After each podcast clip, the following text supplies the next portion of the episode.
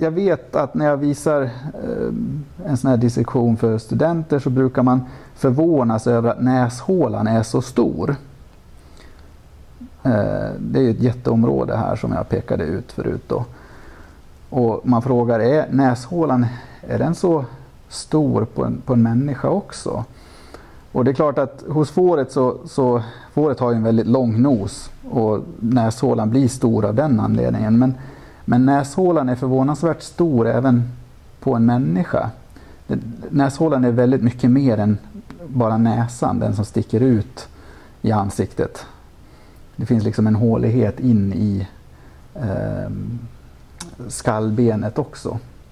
Och vi ska se, jag har en skalle med mig här som jag kan visa lite grann på innan vi går vidare.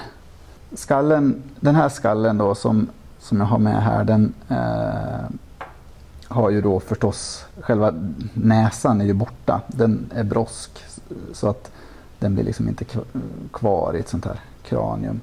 Men om man tittar in här då så, så ser man att det är en ganska djup hålighet in som utgör då näshålan. Förutom den hålighet som finns i det som vi kanske skulle kalla för näsan. Och man kan också se den här skiljeväggen som eh, är kapad på, på fåret här eh, kan man se en del av här. Skiljeväggen är till stor del brosk men delvis ben. Och det, man ser samma struktur här. Då.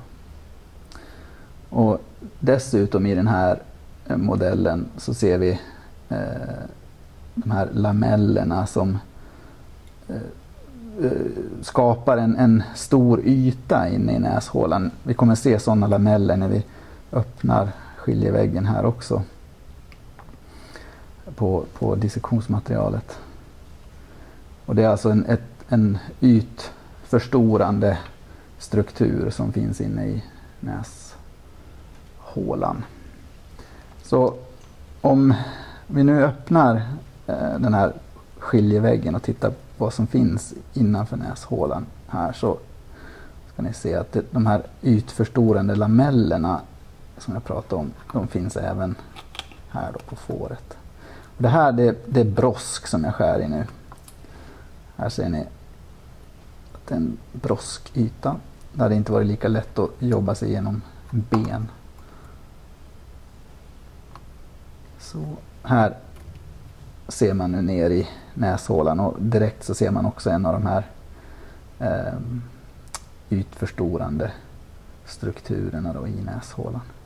Jag kan skära upp lite mer här så syns det till.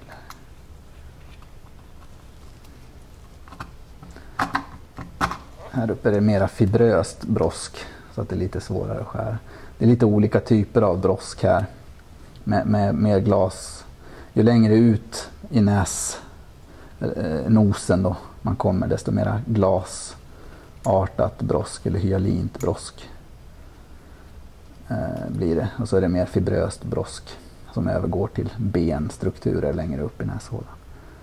Men, eh, nu har vi öppnat in till näshålan och här är, kan man skära även i den här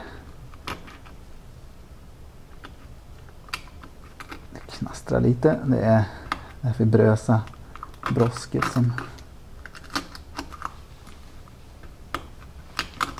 sådär då. Men det är alltså mera, mera näshåla bakom den här ytan som vi ser då. Så att när eh, fåret andas in genom näsan så passerar det alla de här slemhinnorna som ligger veckade inne i näshålan. Eh, och dels blir luften fuktig när den dras in genom näshålan och dels värms den upp så att när den väl kommer till svalget och, och eh, vidare sen ner då i luftstrupen så har det, luften blivit fuktig och den har också blivit varm. Och dessutom så fastnar eh, olika partiklar då, som man drar in i, i inandningsluften i de här fuktiga slemhinnorna. Eh, fortsätter man längre upp i näshålan så kommer vi till ett område här som är det är en massa små flikar. Om jag drar i över här ser ni att det är en mängd små flikar Och det ser ut som att de här flikarna kommer som en skog utifrån eh, skiljeväggen som skiljer hjärnan från näshålan. näshålan. Och det här området, det är där eh, luktepitelet finns. Så från hjärnan här så är det en, faktiskt en, en eh, skog av nervtrådar som löper ner in i det här området. Eh, och de här nervtrådarna då, de är, sprider ut sig över de här ytorna eh, och kopplar till det som vi kallar för luktepitelet. Då.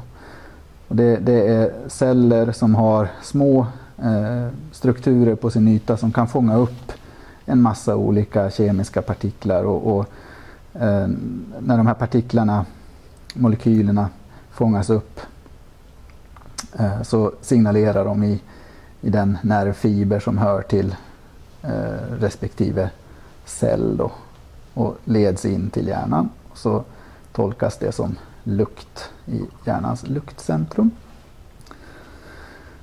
Så luktepitelet finns här och det här benet som ligger emellan eh, eh hjärnan och näshålan då, det kallas för silbenet.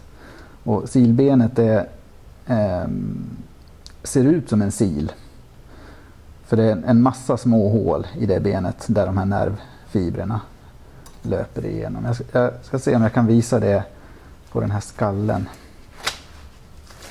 Jag lyfter av skallskålen här och då har vi alltså eh, näshålan här och tittar vi precis innanför näshålan här då i skallbotten här nere så har vi silbenet på varsin sida av den här fliken som heter Krista galli.